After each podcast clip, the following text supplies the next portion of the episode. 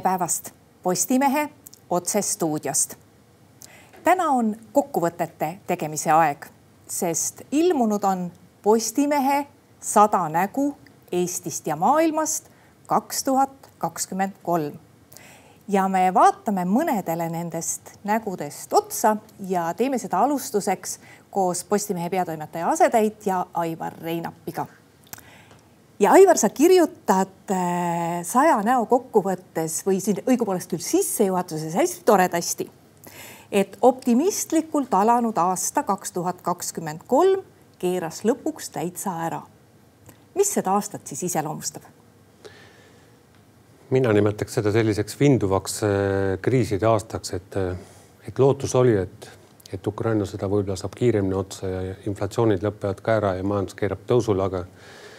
aga me kuulsime kuus kuusse, et kõik see asi venib ja venib ja intressitõusud jätkuvad ja kõik see asi nagu tekitas sellist negatiivset fooni juurde ja, ja Ukraina sõja rindelt ei tulnud ka enam positiivsed uudised, vaid pigem rinne jäi pidama ja need loodetud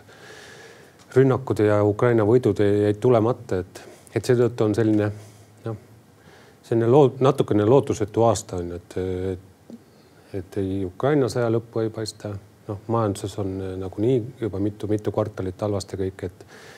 et õnneks inimesed on töökohad vähemalt säilitanud ja, ja, ja seegi hea, et, et ei ole selliseid suuri tagasilööke, nagu oli kahe tuhande kaheksandal aastal ja kahe tuhande üheksandal aastal, kui olid suured krahhid ja, ja see tähendas suuri töö, töö, töökoha kaotusi ja suuri tööjõupuuduse numbreid, aga, aga noh, loodame, et põhi hakkab kätte saama. no tegelikult see natuke kehva aasta on Eh, tonaalsuses tunda ka artiklite sisus ja see on tunda isegi siis, kui üks või teine isik on nii-öelda noh, heade rubriigis või, või positiivsete inimeste rubriigis. et kui me vaatame seda kõige olulisemat Äh, juhtide ja liidrite rubriiki, siis äh, ma alustaks meie presidendist. tema kohta on artikli kirjutanud meie kolleeg Aimar Altosaar, aga Aimar on ka sellisel kahevahel seisukohal. ta ütleb, et president ei ole veel näidanud, kuigi pool ametiaega on varsti läbi, kui suur on tema jalajälg siin Eesti presidentide tegemiste ajaloos. no Alar Karis kahtlemata üllatas, et kui president on tavaliselt käinud kaasa nagu koalitsiooniga ja natukene sellise võimu toetanud, et siis seekord on ikkagi Alar Karis julgenud äh, nagu vastu astuda sellisele üldisele foonile, et, et ta on esitanud küsimusi, mis ühiskonnas ju ka on mujal ka vastukoja tekitanud ja natukene loonud seda tasakaalu selle opositsiooni ja koalitsiooni vahel, et muidugi koalitsioonile ei meeldi, et keegi kõrvalt tuleb targutama ja õpetama, aga aga kahtlemata presidendi küsimused on ju õiged, on ju, et et ega üks pool ei ole ju kõigis nendes jamades, Riigikogu obstruktsioonides ja kõigest sellest muudest süüdi, vaid ikkagi on nagu kahepoolne see asi, et et kui ikkagi Reformierakond sai sel aastal nii suure võimu ja võidu on ju ja hakkas tegema poliitikaid, mida ta ei ole lubanud, et siis kahtlemata see tekitab proteste ja EKRE-l on nagu nüüd hea põhjendus, mille pärast ta kõike seda nii-öelda nagu ühiskonna pidurdamist teeb. Eh, teine persoon, kes on selles samas rubriigis, on Ukraina president ja kogu see Ukraina sõja raskus seekord tõenäoliselt kesk-, noh, on tunnetatav ka selles presidenti portrees? natuke muidugi kahju temast ka on et, et noor mees, energiat oli palju, eelmine aasta läks ju väga sellise jõuliselt ja heade kõnede ja kõige selle muuga, aga nagu kuude ja kuude kaupa käia mangu nagu lisaraha, et muidu nagu pole millega sõdida, on ju, et ja, ja noh, kui alguses veel see töötas, on ju, siis enam hästi ei tööta ka on ju, et, et nüüd ta ka ju käis Ameerika Ühendriikides, aga nagu erilist vilja ei paistnud, et hakkavad juba muud poliitmängud peale ja kõik muud, et et eks tema nagu see hasart ja hind hakkab ka selles mõttes natuke nagu vaibuma, et sellist sära nagu on, on, on väheks jäänud, aga ja noh, ta pingutab, on ju, et aga noh, mõneti on see arusaadav ka, et kes see ikka jõuab olla kaks aastat järjest nagu tippvormis. Eh poliitikud ja meie tipp-poliitikud on meil väga erinevates rubriikides esile toodud, et juhtide omas on Kaja Kallas ja Martin Helme ja ma ei tea, Kaja Kallast võib-olla oleks äh, oodanud isegi kaotajate rubriigis, aga noh, ta ei ole ju kaotaja. no oleme ausad, et ikkagi see nagu võit Riigikogu valimistel ikkagi oli nagu mäekõrgune. me võime vaielda, et, et kas oli nagu ausalt saadud ja kas seda nagu aidati mingite muude manipulatsioonidega kaasa, on ju see EKRE vastandumine ja hirm, et kui nüüd ei toeta Kaja Kallast, et siis nagu Ukraina poliitika kukub ka kokku, et, et see natukene nagu sai teistsuguse kuvandi kogu see asi. Ja, ja ta võitis ikkagi suurelt, aga see, kuidas ta nagu võimu hakkas siis noh, nii-öelda realiseerima, et, et see tekitas väga palju küsimusi, et ega ta ju siseriiklikult väga palju ei tahtnud selgitada oma neid otsuseid ja taustu, et, et tuli üks maks siit ja teine maks sealt ja, ja siis oli jälle auk siin ja, ja see, et, et ennem on olnud peaminister ja, ja oleks võinud ju kõike ette näha, et see, see kõik tuli nagu suure üllatusena. Ja kui ja kui nüüd ka augustis-septembris tuli see tema perekondlik tagasilöök, kus nagu sõnad ja teod ei lähe kokku ja ta ise ei saanud sellest ka aru, mis on nagu eri, eriti nagu tobe, et et siis sellega nagu kadus tema see väline hiilgus ka ära, et nagu, nagu oleks olnud maskipallil ja siis äkki oled selles kõrvitses ja hiirtega tagasi peolt minemas on ju, et no eh, eriti huvitavas rubriigis on meil Urmas Reinsalu, Isamaa juht, et ta on ettevõtjate rubriigis ja pealkirja all, et respublikaanlus on tagasi tugevamalt kui kunagi varem. vot see vajab nüüd lahti seletamist. no Reinsalu on vana kala ja suurte kogemustega ja eks siin paljud näitavad ju näpuga ka tema suunas, et see EKRE selle obstruktsiooni peale sellisel kujul üldse tuligi, et et ja alguses oli ju Isamaa see, kes seal mõtles välja neid skeeme. ja noh, ütleme, et ta oskab hästi ennast väljendada, ta oskab hästi esineda ja vaielda. ta ei ole nagu selline pahatahtlik. aga noh, popu-, populismis võib süüdistada, aga noh, ei pruugi, kahtlemata temas on rohkem sära, teda rohkem kui kui eelmist Isamaa presidendi, peaministri või tähendab Juhti. Isamaa esimeest, et eh, Helir-Valdor Seeder nagu ajas selliseid üksikuid teemasid, mis ei tundunud ka nagu ühiskonna mõttes võib-olla need noh, kõige-kõiged on, et kas see pensionisamba lammutamine nüüd on nagu Eesti kontekst nagu see kõige, kõige kõigem, kuigi noh, lõpptulemusena võib-olla see tulemus ei olnudki kõige halvem, aga ikkagi, et Reinsalu on kahtlemata energilisem, säravam ja ta suutis ju tulemuse teha, et ta võttis eh, võimu erakonnas ja vaatame, kus ta nüüd Isamaa on viinud. ainuüksi sellega, et, et ta on nagu kõige selline usutavam eh, opositsioonierakond, erakonna juht. aga miks meil endine Eesti kahesaja juht Lauri Hussar on ettevõtjate rubriigis? Ta võttis selle ameti nagu ütleme, mingisuguse töö ette. et see eelmine aasta ta ka ju nagu läks, on ju selle Kristiina Kallase asemel ja, ja noh, nagu kuulda oli, et et see eesmärk oli siis, et televäitlustes enne valimisi paistaks natuke jõulisem silma, et ei oleks selline noh, liiga malbe või leebe, et, et eks tal ju õnnestus see selles mõttes, et, et, et hääled ja kohad tulid ära. aga noh, ütleme, et sellest jäi väheks ikkagi, et, et sa võid ju kõigile vastanduda ja kõike nagu otsida lahendusi, et lahendus on, leida lahendus on, et, et noh, sellest jääb väheks erakonnalt, kes nagu mängib välja ennast kui suurte visioonide ja suurte pikaajaliste strateegiate oma, omaja, aga, aga me ei näinud neid ja selles mõttes nagu õhk noh, jooksis tühjaks, et selles kontekstis Eesti kahesaja juhi vahetus oli, oli iseenesest noh, oodatav. aitäh, Aivar. Ja koos majandusajakirjanik Karl-Robert Puhmiga vaatame me nüüd, millised ettevõtjad meil selles samas ettevõtjate rubriigis esindatud on Karl, kui meil eelmisel aastal olid tublide tegijate hulgas energiafirmade juhid, siis nüüd meil on seal pangajuhid, et kas see on nende kõrgete intresside toel? ma usun küll, et ma ütlekski, et intressikeskkond võib-olla on selline teema, mis see aasta seda majanduskeskkonda võib-olla kõige rohkem defineeris, et noh, intressid ju mõjutavad peaaegu igaüht, et kellel on kodulaen, kellel on autoliising, et äh, pangad tõepoolest sellest hästi palju võitsid ja ilmselt võibki öelda, et kui enamikel ettevõtetel ikkagi kaks tuhat kakskümmend kolm oli selline kehv aasta või selline raske aasta, et siis ainuke sektor võib-olla, kes tõepoolest nagu õitses, oli pangad.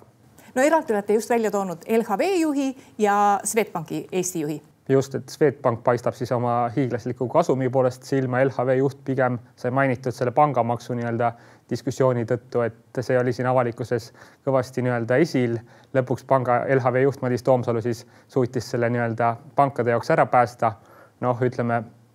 pangajuhti, pangad võivad kindlasti selle tulemusega rahul olla no. mõnes mõttes aga võib-olla tuleviku vaates oli nagu hea lahendus, sest, sest kui praegu vaadates seda üldist majandusseisu, siis, siis ikka päris selline raske on ja eriti töötleval tööstusel ja kui me mõtleme, et kelle rahade eest nii-öelda neid tööstusettevõtteid rahastatud on, et see ikka panga, panga finantseeringute toel suuresti tehtud on ja et kui majanduses nii-öelda asjad veel habumaks peaksid minema, siis on iseenesest ju hea, kui nagu pankadel natuke rohkem seda kapitali nii-öelda laenukahjumite jaoks võtta on, et ma usun, et, et lõpuks leiti päris nagu mõistlik lahendus no meil on siin ka Infotari juht Ain Hanschmidt ja tegelikult on ju nii, et me selle saja näo kokkuvõtte paneme paika juba päris vara.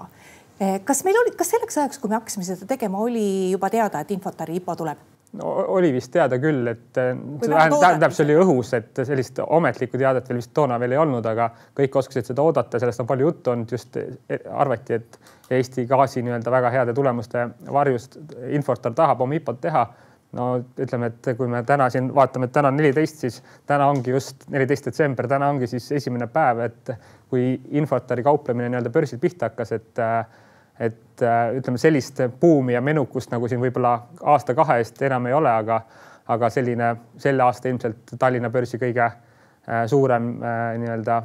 turul, uus turul tuli tõepoolest Infotar ja tema juht Ain Hanschmidt olid. no Ain Hanschmidt on ju tegelikult olnud ka pangajuht ja pärast seda temast vahepeal pikalt ei räägitud ja tegelikult õigupoolest ei räägitud ju ka pikka aega Infotarist, noh pigem Tallinkist. Infotarist hakkasime me rääkima just siis, kui nad omandasid gaasifirma Eh, kui palju nüüd Ain Hanschmidt ise juhina on pildil olnud, ilmselt selle IPO taustal ikka hästi palju? no see oli väga hästi näha, et eh, Ain Hanschmidt oli pigem võib-olla tõesti eelmistel aastatel nagu pildilt maas, aga just ütleme, et IPO ka mõneti soosib, et tavaliselt see ikka nii on, et kui IPO tuleb, et siis nii-öelda nende ettevõtete juhid on väga meediaaltid, et käivad igal pool intervjuusid andmas, lahkelt võtavad kõik pakkumised vastu, kõigile selgitavad oma nii-öelda ettevõtet, et Ain Hansmit, Ain Hansmitiga läks tõepoolest täpselt samamoodi, et palju ta siin aasta lõpus pildil oli, võib-olla see Infotari IPO ise, no kuna majanduskeskkond on päris raske, et siis äh, päris sellist nii-öelda suurt äh, menukust kaasa ei toonud, et kui me mõtleme, et Infotar ikkagi suur ettevõte, omab nii Eesti Gaasi kui Tallinkit äh, aga kui me nüüd näiteks võrdleme, et siis möödunud või ülemöödunud aastal Eesti börsile tulnud või isegi alternatiivbörsile tulnud kastirataste ettevõte pälvis isegi rohkemate inimeste tähelepanu, et iseenesest päris märgiline, et suur, suur äh, selline investeerimisfirma jääb märkijate poolest äh, täna alla äh, kastirattafirmale, siis et päris sümboolne, ma arvan no ise oled sa sel korral kirjutanud hoopis tuuma, kirjutanud hoopis tuumafüüsikust Eh, kas põhjus on selles, et meil praegu on hakanud tekkima pilt, et aatomienergeetika on see, mis maailma päästab? no see aatomienergeetika ja tuumajaamade teema on tõepoolest mitte ainult Eestis nagu fookuses, vaid ka igal pool mujal, et noh, praegu COP-i kliimakonverents lõppes, ka seal võeti, lubasid väga paljud riigid kolmekordistama oma tuumavõimekusi, aga noh, tuuma, tuumajaamadega paratamatult on igasugused hädad, et kuhu neid radioaktiivseid jäätmeid äh, ladustada ja nii edasi, et tõepoolest äh, inimene, kes mina kirjutasin, siis töötab sellise tehnoloogia kallal, äh, mis justkui põhineb tuumareaktsioonil, aga ei tekita selliseid tuumajäätmeid, et ja, ja teoreetiliselt oleks seal võimalik saada ka põhimõtteliselt piiramatu kogus nii-öelda energiat, et see on selline, kõlab väga ulmeliselt, aga, aga praktikas ma ei ole küll teadlane, aga peaks võimalik olema, lihtsalt küsimus ongi selles, et seni pole veel nii-öelda seda lahendust õnnestunud lahti muukida, et iseenesest väga huvitav, huvitav asi, mille kallal töötada, aga noh, kõik need ka valdkonna sees olevad inimesed ise ütlevad, et, et lähima kolmekümne aasta jooksul pole lootust, et mingit elektrijaama selle tehnoloogia pealt saaks äh, püsti panna, aga see ju ei tähenda seda, et me sellega tegeleda ei võiks, et et ütleme, et see potentsiaalne tulem, mis sellest võib saada, on lihtsalt nii meeletu, et et kui selles vallas natukene, natukenegi edasi liigutakse, on see juba väga märkimisväärne. ja üks tegelane, kes on ka ilmselt seotud siiski rohepöördega ja kogu selle kliimaolustikuga, on üks Hiina ettevõtte juht ja see ettevõte tööd, toodab akusid ja see on seotud ikkagi sellesama auto aku, elektriauto aku teemaga. ja äh, üks Hiina akutootja tõepoolest me oleme Euroopas võib-olla mõnes mõttes pelgame praegu natuke seda Hiina toodangut, aga ometi on nii, et et kui isegi nende Euroopa suurte Saksa autotootjate aku, akusid vaadata, et siis seal on need Hiina ettevõtte akud sees, et ja noh, kui me rääkisime energeetikast, et siis see elektrifitseerimine on noh, üks võtmefookuseid siin Euroopa Liidus ka, et sisepõlemismootoriga autode keelustamisest on ju ka palju, ka isegi sel aastal juttu olnud ja ja ütleme, et see mõnes mõttes on nagu märgiline, et seni me ikkagi toetume ka nende akude toel ikkagi väga palju Hiinale, et noh, meil on juttu olnud, et äkki peaks Hiina autodele mingid tollid kehtestama, et, et ma ei tea, Volkswagenid või Audid ei asendaks mingite Hiina tootjatega, et Euroopa nii-öelda majandust kaitsta. aga noh, samas me juba näeme selle, selle konkreetse näite puhul siis, et, et need aku, aku, akutootjad või need komponendid tulevad ikkagi Aasiast ja et kui Euroopa ikkagi tahab, tahab nagu konkurentsivõimes püsida, et siis tuleb paratamatult ka siia mingit sellist rohkem nagu tootmist äh, saada, mis sest, et siin või võib-olla tööjõukulud on, ju kallimad. aitäh, Karl. ja kui meil majandusteema juba vaikselt segunes teadusteemaga, siis selleks, et sel teemal edasi minna, äh, on tulnud appi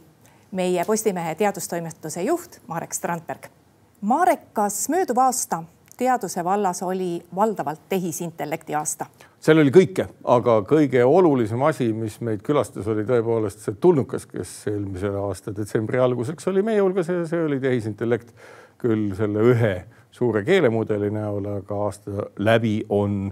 neid asju katsetatud ja ma arvan, et äh, päriselt on juhtunud see, et on tekkinud täiesti uus nähtus, mis meie kultuurist mitte kuhugi ei kao Eh, ma pean ütlema, et eh, need teadlased, kes on toodud sajas näos välja, on hästi hüllatavad, sest eh, neil kõigil on selja taga mingisugune selline probleem, mille lahendamise vajalikkusest suur osa inimesi, ka need, kes teadussaavutustega üldse kursis ei ole, peavad vajalikuks. ehk siis kas me tõesti oleme teel, kus ühel hetkel on lahendus ka malaariale see on nii, sellepärast Erwin Hill, kes on nii-öelda selle malaaria vaktsiiniga tegelenud väga pikka aega, on jõudnud nüüd lõpuks üsna korralikult nokitsedes siis tulemuseni. ja me võime öelda, et a, mis meid peaks malaaria huvitama. selle koha peal peab ütlema stopp, sellepärast et muutused kliimas on olulised, varsti on meil ka nii soe, et vahepeal ei ole mitte ühtegi külma tsooni. ja kõik need sääsed, kes on harjunud malaariat levitama, jõuavad lennuteel siia ja noh, tegelikult on ju malaaria Eestis olnud üheksateistkümnendal sajandil. nii et kui see taas tuleb, siis oleme paremas olukorras. välja on toodud ka arstiteadlased, kes on seotud, kes said Nobeli preemia eh, ja kes on seotud koroona ravimisega see on tõesti ju ütleme üsna tore lugu. Kathleen äh, Carrico ja, ja Drew Weissmann Kariko on tegelenud selle nii-öelda pisikese molekuliga, mm, informatsioonilise RNA-ga või mRNA-ga, nagu seda nimetatakse, väga pikka aega. ja katsetanud ja katsetanud ja ütleme niimoodi, esimesed katsed sellest ideest, et me võtame mRNA, mis teeb midagi, mis on sarnane näiteks mingi viiruse valguga, RNA-d kasutatakse selleks, et valke sünteesida rakus. kõik need kukkusid läbi ja see oli tõsine pusimine järjekindel pusimine ja see noh, elu kolmkümmend aastat tema elust, eks ole, on pusitud ja ta leidis lahenduse, kuidas mRNA muuta niimoodi, et ta küll sünteesib valke, aga ta ei tekita nii-öelda rakus toksilist reaktsiooni. ja selle tulemus on tegelikult täna see, et noh, kui me kujutame ette, et, et koroonaviirust oleks tulnud vaktsiiniga kohendada inimkonna immuunsüsteemis tavalisel moel neliteist miljardit doosi vaktsiini, ma arvan, et see oleks tähendanud umbes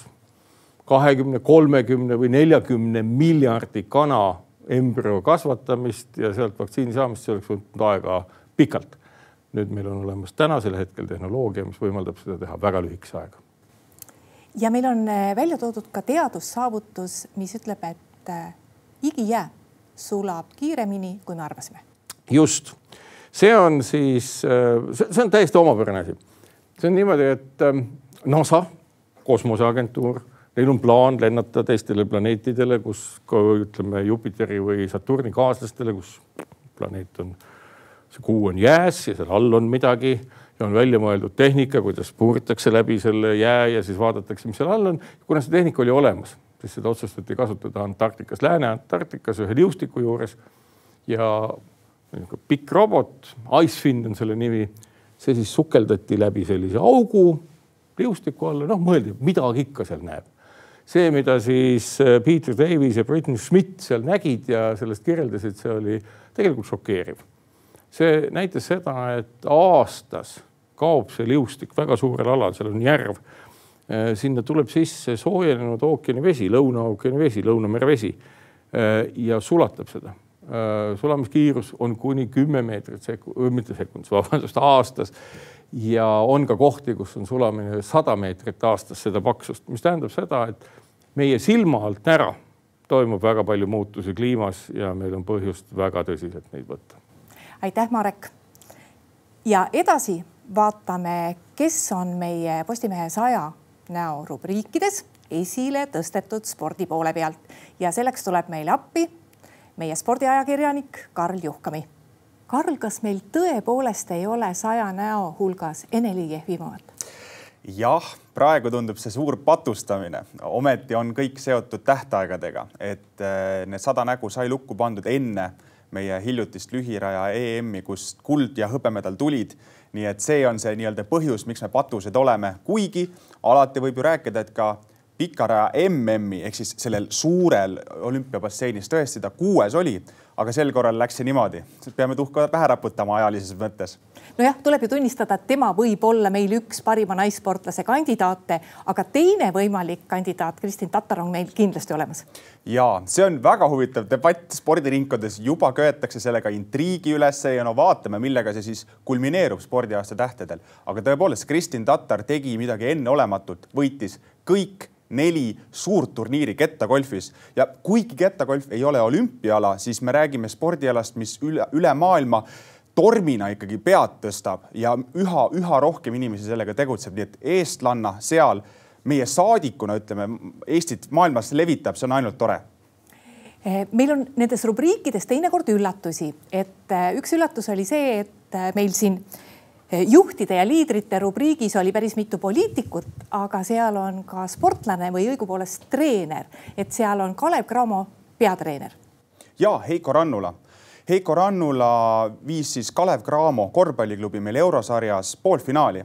ja juba see iseenesest on märgiline, aga mida Rannula puhul tasub toonitada, on, et ta tegi seda eestlastega alatasa on meil räägitud, kuidas ikka tuleks meil spordiklubisid üles ehitada meie meestega, ostame sisse, kui oma see siis üldse on, aga Heiko Rannulal mängisid Eesti poisid võtmerolli ja see on see, miks teda tasub äh, väga tõsiselt püünele tõsta, sellepärast et ta suutis välja pigistada nendest poistest selle midagi enneolematut ja maksimaalset. Kes meil olümpialootustes sees on ja kellest sa ka ise oled kirjutanud? olümpialootustes sees ähm, noh, Eneliifimat ei ole, tõsi, juba tunnistasime pattu. Äh, Karel Tilga on meil kindlasti ära mainitud, sellepärast et äh, Eesti kõigeagade teine tulemus, mis Budapestis sai tehtud Karel Tilga poolt, millega ta jäi kahjuks medalita. kunagi varem pole ajaloos keegi sellise punktisummaga medalit jäänud. nii et äh, tema puhul on kindlasti põhjust oodata Pariisi olümpiat, et mis sealt tulla võib meil on millegipärast Anett Kontaveit kaotajate rubriigis, et jah, ta küll lahkus, aga ta on nagu nii palju häid emotsioone pakkunud ja see tema lahkumine oli ka niivõrd emotsionaalne, et noh, kuidagi ei, ei tahaks teda sellesse rubriiki panna. Jah, see kaotus ei tähenda seda, et nüüd midagi valesti oleks läinud, see lihtsalt oli valus ja kaotus ongi valus, see on selline kõige ehedam kirjeldus sellele asjale, et tagantjärele seda kõike meenutada pisar tuleb silmi isegi rõõmust, mitte, mitte kurbusest, et see kõik läbi sai, sest et eh, kuus turniirivõitu, maailma edetabeli teine koht parimal hetkel, see kõik on väga ilus ja tegelikult me peaksime selle, selle üle uhkust tunda. lihtsalt kaotus on see sellepärast, et see nii vara juhtus. kakskümmend seitse ei ole ju see iga, kus spordikarjäär peaks otsa saama. no kaotajate rubriigis on meil ka Aivar Pohlak ja teenitult ja tuline teema, mis spordiringkondades alati äh, teemaks tuleb. Aivar Pohlak on kaotajate rubriigis, sellepärast et mitte isegi sellepärast, mida meil jalgpallikoondis on teinud, mis ei ole ka mitte ühestki otsast rõõmustama panev. ennekõike see, kuidas Jalgpalliliit on tänavu suutnud äh, kommunikatiivselt pläkki teha, äh, väga lihtsalt väljendades, et siin õhtusöök Venemaa jalgpallikoondise peatreeneri Valeri Karpiniga, kus meie koondislased esinesid, Venemaa jalgpallikoondise osalemine siis Eestis toimuval noorteturniiril ei tulnud seda selget signaali, seda klaari, selget rusikas maha, et ei, see on täiesti vale, meie seda ei tore, tolereeri, kuidagi kõik venis ja siis see on see põhjus, miks Jalgpalliliit Aivar Pohlaku ka siin nimekirjas meil kaotajate rubriigis on. no tõenäoliselt oleks meil kusagil olnud nii-öelda halvas nimekirjas eh, veel ka olümpia liikumine selles mõttes, et tänu sellele otsusele, et Venemaa ja Valgevene sportlased siiski lubatakse Pariisi olümpiamängudele, aga selleks hetkeks ei olnud seda otsust veel teinud. Ja siin mängib ka see kuupäev rolli, et see eelmine nädal alles tuli, see ametlik otsus reedel, kui mälu ei peta, et venelased tõepoolest küll neutraalsetena, aga siiski võivad Pariisi saada. oleks see varem tulnud, kindlasti oleks see meil edetabelis olnud ja, ja ilmselt ka väga kõrgel ja väga suurelt välja mängitud kuidas sa ise oled rahul nende positiivselt eh, välja käidud nimedega, mis me oleme siin sajas eh, näos välja toonud spordi poole pealt? no tegelikult neid nimesid on küll ja veel, isegi kõiki meie tänavuseid tiitlivõistluste medalivõitjaid siin nimekirjades ei ole, mis näitab, et Eesti sport ja Eesti sportlased on maailmas väga edukad, pakuvad meile rõõmu ja tegelikult see ongi ju see, miks sporti nii palavalt armastatakse. me tahame emotsioone ja kuigi neid on ka valusaid, siis need unustatakse nagu elus ikka ja meelde jäävad need positiivsed, mis sind ikkagi saatma jäävad aitäh sulle. aga tegelikult on seal saja näo hulgas väga palju inimesi, kellest me täna rääkida ei jõudnud, nii et lugege ise. aga aitäh, et vaatasite. Postimehe järgmised otsesaated on eetris juba uuel nädalal. seniks lugege uudiseid postimees.ee. thank you